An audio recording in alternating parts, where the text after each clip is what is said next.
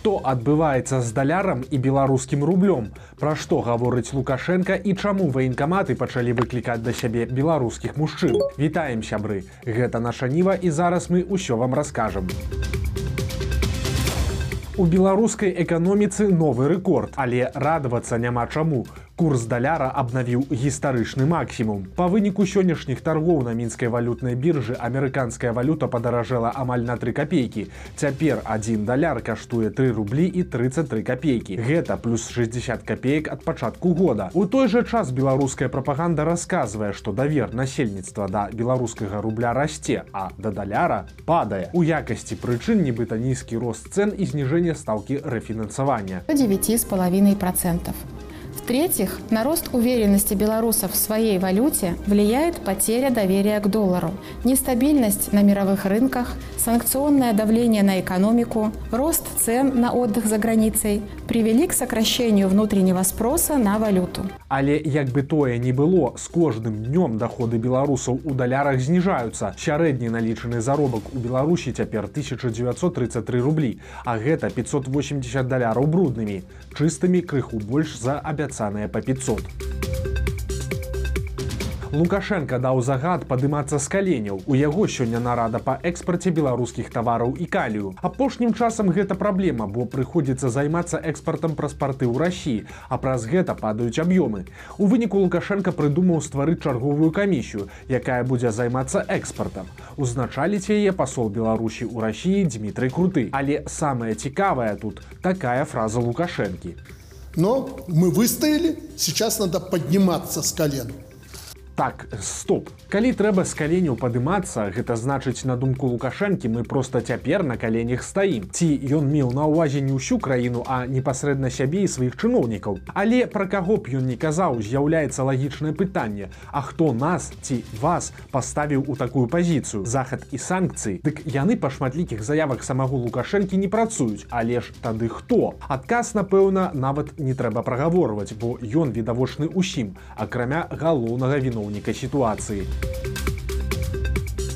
Прапаганда зноў прагаварылася пра сур'ёзную праблему. У перадачы на СТБ вырашылі паразважаць пра беларускія сем'і і аказалася, што ў Беларусі вялікая бяда з нараджэннем дзяцей. Штогод нараджальнасць падае на 10 процентаў. Пра гэта расказала намесніца кіраўніка цэнтра маці і дзіця Алена Гашкевіч. Прычым гэта не звязана з палітычнай сітуацыяй у краіне і пачалося яшчэ да два -го года. Дакладныя лічбы праблемы назваць цяжка. З два -го года улады засакрэцілі статыстыку па нараджэнні нараджальнасці але портал зеркала подлічыў што калі верыць агучаным данным адносна апошняй вядомай лічбы то чакаецца бяда. Атрымліваецца што за 23 год у беларусі з'явіцца менш за 57 тысяч дзетак. Гэта жудасны антырэкорд такога не было аж з 50 -го года. Мы тут удакладнім што прычына вельмі простая. Гэта грошы. Зусім нядаўна акадэмія навук публікавала данные сацыялагічных апытанняў. Там беларусы якія баяцца заводзіць дзяцей шчыра адказалі чаму так галоўная прычына гэта страх што не змогуць забяспечыць сям'ю і адсутнасць магчымасці купіць жыллё. Але ж чыноўніцы якія прысутнічалі на той жа перадачы прыдумалі свае рашэнні праблемы. Ольга шпілеўская якая кіруе праўладным саюзам жанчын заявіла што трэба просто вярнуць моду на шматдзетныя сем'і. Гэтым на яе думку мусіць актыўна займацца прапагандысты. Таксама шпілеўская прывяла ў прыклад узбекістан. Кажа што там нараджаюць шмат бо туды не прыйшла заходняя культура. Гэтую арыентацыю на узбекістан падтрымала і іншая госця перадачы Анастасія Баброва. Яна кіруе цэнтрам чалавечага развіцця і дэмаграфіі інстытута эканомікі беларускай акадэміі навук. Баброва кажа: ва ўзбекістане маўляў не думаюць, што спачатку трэба адвучыцца пабудаваць кар'еру і купіць жыллё, а адразу нараджаюць. І на думку бабровай такі ж падыход цяпер трэба вярнуць у галовы беларускіх жанчын. Маладых хлопцаў з вайсковымі білетамі на руках масава выклікаюць на паўторны медагляд у ваенкаматы. Справа у тым, што сёлета змяніліся крытэрыі годнасці выпускнікоў і з некаторымі дыягназамі, з якімі раней у войска не бралі, раптам стала можна праходзіць тэрміновую службу. Напрыклад, з атлусценнем другой ступені, блізарукасцю ад 6 да 8 дыёптры і нават гемароем. Выданне люстэрка апублікавала некалькі гісторый беларусаў. Яны даволі стандартныя, пазванілі і запрасілі ў ваенкамат альбо даслалі позву па пошце. У выніку некаторым з суразмоўцаў давядзецца ісці служыць. Тут варта адзначыць, што па законе позва павінна быць выдадзена пад подпіс прызыўніку альбо ён мусіць распісацца за атрыманне заўмоўнага ліста з ёй. Іншыя выклікі кшталту тэлефоннага законнай моцы не маюць і яшчэ пра ўзброеныя сілы. Па даручэнні лукашэнкі распачаўся чарговы этап праверкі беларускай арміі. Па трасах у мінскай віцебскай абласцях будзе ездзіць вайсковая тэхніка. Таксама задзейнічаюць і авіяцыю. Кіраваць мерапрыемствамі будзе дзяржсакратарыят рады бяспекі. у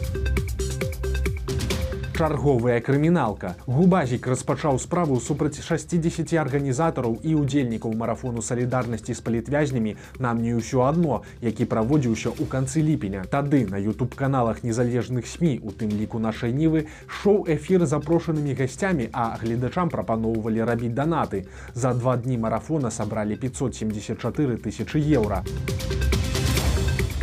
а былога мінскага рэстаратара вадзіма пракоп'ева зноў будуць судзіць. І зноў завочна. Мінулы працэс адбыўся пару месяцаў таму. Пракоп'ева абвінавацілі ў цэлым букеце артыкулаў па справе аб падпалі дома гайдукевіча. Тады экс-рэстаратара завочна асудзілі на 25 гадоў. Цяпер жа будзе новы суд. Сярод абвінавачванняў абраза лукашэнкі і паклёп на яго. Удзел ва ўзброеным фарміраванні распальвання варожасці. Нагадаем што завочна асуджаны лукашэнкаўцамі вадзім пракоп'ю спакойна жыве і працуе за мяжой. Ці памятаеце вы жудусную гісторыю з катаваннямі і забойствам шматдзетнымі бацькамі свайго малога дзіця. У слуцку пачаўся суд над імі. Нагадаем, што трохгадовы хлопчык сямён памёр ад чэрапна-мазгавой траўмы ў студзені гэтага года. Перад смерцю яго не кармілі і пастаянна збівалі. Чым была звязаная такая нянавісць да малога да канца незразумела. Цяпер бацьку Александру Таратуце пагражае расстрэл. Маці Анастасіі 25 гадоў калоніі. У іх засталося яшчэ чацвёра дзяцей калі у вас шмат кніг вы можете зарабіць 2000 рублёў. Інтэрнэт-крама оз да свайго 24годдзя шукае уладальніка найвялікшай прыватнай бібліятэкі. Для удзелу трэба да 15 кастрычніка даслаць фото і запоўніць форму на сайце крамы. Кнігазбор абавязкова павінен быць прыватным. Ну і кнігі пажадана не толькі мець але і чытаць. Арганізатары могуць спытаць удзельнікаў праз мест. Пераможца атрымае 1999 рублёў на набыццё новых тавараў у інтэрнэт-краме Пакуль вашыя бабулі марынуюць агуркі, маладая беларуска марынуе грошы. Дзяўчына 9 месяцаў збірала манеткі ў слоек на паўтара літры. Пасля выклала вынік у тыкток і сабрала больш за 2 мільёны праглядаў. За такі час у слоіку набралося манет на 2230 рублёў. Грошы дзяўчына плануе патраціць на адпачынак і паход да касметолага трагікамедыя ў салігорску. Мясцовы жыхар скраў для жонкі куртку а тая ёй не спадабалася. Сітуацыя была наступная. Мужчына заўважыў у краме жаночую куртку якую нехта забыўся. Ну мужчына і прысабечыў сабе гэтую рэч. Прынёс сваёй жонцы маўляў вось табе падарунак але куртка не падышла. Аказалася і маленькая і увогуле на жаночы густ не вельмі. А пасля па шчодрага мужа прыйшла міліцыя. Яго знайшлі па камерах назірання і цяпер мужчыну пагражае да трох гадоў калоніі вельмі любіце каву ёсць незвычайная прапанова. Мінскае бістро акно прапануе новы сет. У ім гіганцкі кубак кавы і велізарны макарон. Кубак выглядае так. У ім 6 літраў кавы. Што будзе з арганізмам калі выпіць увесь невядома. І хутчэй за ўсё нічога добрага. Але ж фоткі для нстаграма дакладна атрымаюцца неблагія. Праўда гэтая прапанова абмежаваная. Толькі тры такіх сэты на дзень. Так што чакаем гіганцкую чаргу па гіганцкую каву колькі каштуе карціна марка шагала? У празе прадаюць твор знакамітага ураджэнца беларусі. Карціна под назвай мацярынства на сінім фоне была напісаная ў 1976 годзе і да смерці мастака знаходзілася ў яго доме. Пасля трапіла ў прыватную калекцыю. У цэнтры кампазіцыі маці якая трымае на руках дзіця нахіліўшы да яго галаву. На фоне пазнавальны антураж старой беларускай правінцыі. Стартавы кошт карціны 12 мільёнаў чэшскіх крон а гэта 480 тысяч еўра І ў канцы забаўная жыццёвая гісторыя. Учора ў Киеве прайшоў нефармальны саміт міністраў замежных спраў краін Еўросаюза, але на яго не трапіў шведскі міністр Тобіас Більстром. Як аказалася, дыпламат проста забыў пашпарт. Нейкім чынам ён здолеў дабрацца да польска-украінскай мяжы, але памежнікі не дазволілі яму уехаць ва ўкраіну. У выніку більстрому давялося адмовіцца ад васьмігадзіннай паездкі на цягніку ў Кіў. Вось такія навіны аўторка. Подписывайтесь на канал, ставьте лайки альбо дизлайки и выказывайте свои заўвагі ў каментарах. І, канешне, чытайце нашу ніву, глядзіце нашу ніву і любіце Беларусь. Сустрэнемся заўтра.